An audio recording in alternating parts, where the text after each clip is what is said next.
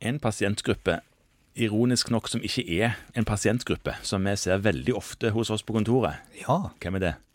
det tror jeg er de gravide. Ja, det er det, vet du. Og nå pff, Vi har sagt mye om de gravide. Eh, og en ting som vi kanskje ikke har snakket så mye om, er jern og jernprøver hos de gravide. For det er jo noe man eh, Noen har tatt, og noen har kanskje unnlatt å ta det ved eh, denne her første svangerskapskontrollen i uke 8, 9, 10, 11, 12. Ja, inntil for ikke så forferdelig lenge siden, så var ikke det helt sånn opplagt at ferritin var noe du skulle ta. Du skulle ta HB og si at de ikke var anemiske. Men nå står det jo ferritin på det nye svangerskapskortet. Det gjør det, og Ja. det er fordi at eh, Helsedirektoratet gikk i sommer 2018 ut med en anbefaling om at ferritin bør måles for å avdekke jernmangel. Ja, og da Det er jo noe med ferritin som gjør det litt skjelkete. Ja, det er et akutt faseprotein. Ja. Eh, Det har vi sikkert nevnt her før. At I hvert fall nå. Veldig høye ferritiner er, eh, og litt høye ferritiner er fryktelig vanskelig å forholde seg til. Vi som jo uh, syns det er fryktelig festlig med sånn statistikk, det kan jo si noen ting om at den positive prediktive verdien av en høy ferritin er null. Akkurat. Sånn at, eh, at, men derimot så vil lave ferritiner på friske pasienter ha stor betydning. Ja.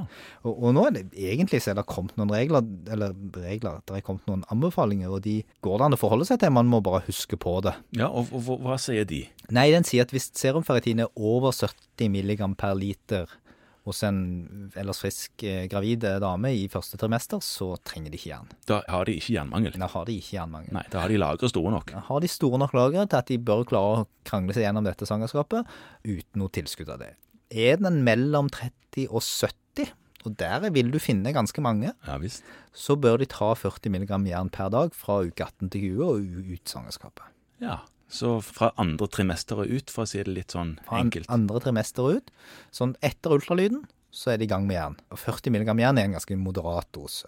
Ja. Det klarer de fleste å håndtere på et eller annet form for tilskudd. Det finnes jo en masse tilskudd som inneholder jern i forskjellige fasonger.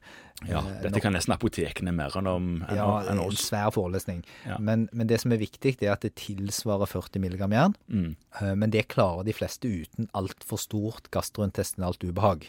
Ja, altså forstoppelse og treig mage. Mm. først og fremst det. Eh, noen blir kvalme og uvel òg av det, men det bør de ta. Og så er det de som er under 30. Da bør man ta 60 mg jern per dag. Og hemoroideprofylakse. Ja, da øker jo problematikken. Ja. Den gjør det. Så blir det òg sagt at hvis du av en eller annen grunn nå ikke har målt ferritin, fordi du kanskje nå hørte denne podkasten og tenkte at det skulle jeg ha gjort, Ja. så kan du gi de 40. ja, som en slags sånn eh, grei baseline. Ja, du klarer liksom ikke å intoksikere noen på 40 mg jern i den perioden et svangerskap varer. Nei.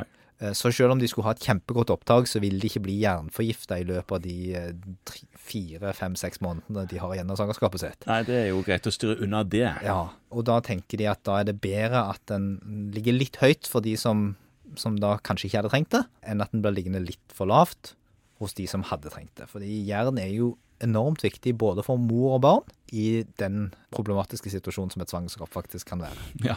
Mm. Så du tar det både for mors helse og for fosterets eh, Ja, helse. nå er det klart at fosteret trumfer jo som oftest mor her og tar det jern de trenger, men, men det er klart at blir det veldig lavt, så kan det gå utover fosterutviklingen Ja. også. Mm.